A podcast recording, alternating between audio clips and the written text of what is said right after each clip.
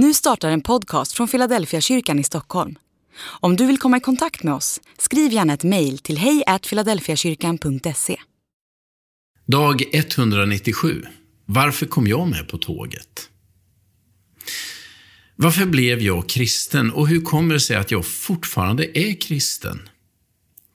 Jag gick i konfirmation i Anskarkyrkan i Västerås. Det var en kyrka mina föräldrar tillhörde. Även om jag aldrig gillade söndagsskolan och barnverksamheten så var det självklart för mig att gå i konfa. Om det var traditionen eller mina föräldrars tysta påtryckningar eller bara det faktum att de flesta av mina klasskompisar skulle konfirmeras vet jag inte. Bara att jag själv tyckte, tyckte att det var självklart. Jag gillade konfirmationen och jag gillade mina konfaledare. Året efter hängde jag på ungdomsverksamheten så ofta det inte krockade med min träning. Den gick alltid först. I kyrkan öppnade sig en ny värld för mig. Inte en religiös värld, den kom senare, utan en social värld. Nya vänner, söta tjejer och sköna läger. Det fanns en stor attraktionskraft i hela konceptet som lockade mig. Ytligt sett kan man nog säga att jag kom med i kyrkan på grund av en massa sociala faktorer. Familjen, ungdomsverksamheten, det motsatta könet, kul skidläger med mera. Men parallellt med det sociala livet fanns en andlig fåra. Hela verksamheten som jag drogs in i bottnade i Jesusrörelsen och evangelierna. Framförallt fanns det två pastorer i församlingen som verkade ta sin tro på allvar.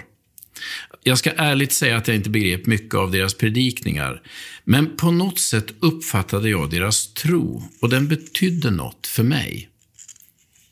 När jag efterhand försöker kartlägga min egen väg till tro så inser jag att det handlar om en massa samverkande faktorer som rörde sig på olika djup. Dels en egen inneboende andlig längtan, dels mötet med andra människor som tog Jesus-tron på allvar, dels kul verksamhet, sköna event, konserter, läger och nya vänner. Allt detta sammantaget ledde mig in i Guds rike. En del av det som hände byggde på mina egna beslut. Annat tolkar jag som gudomlig ledning. Min slutsats av det jag själv upplevt säger mig att det finns en finstämd samverkan mellan mänskligt och gudomligt. Jag tror att varje människa har ett gudomligt mandat att fatta egna, fria beslut. Men jag tror också på en allsmäktig och god Gud som blandar sig i våra angelägenheter och som kallar varje människa att använda den fria viljan för att välja Guds väg. Och jag tror att Guds kallelse alltid kommer först, före varje mänskligt beslut om efterföljelse.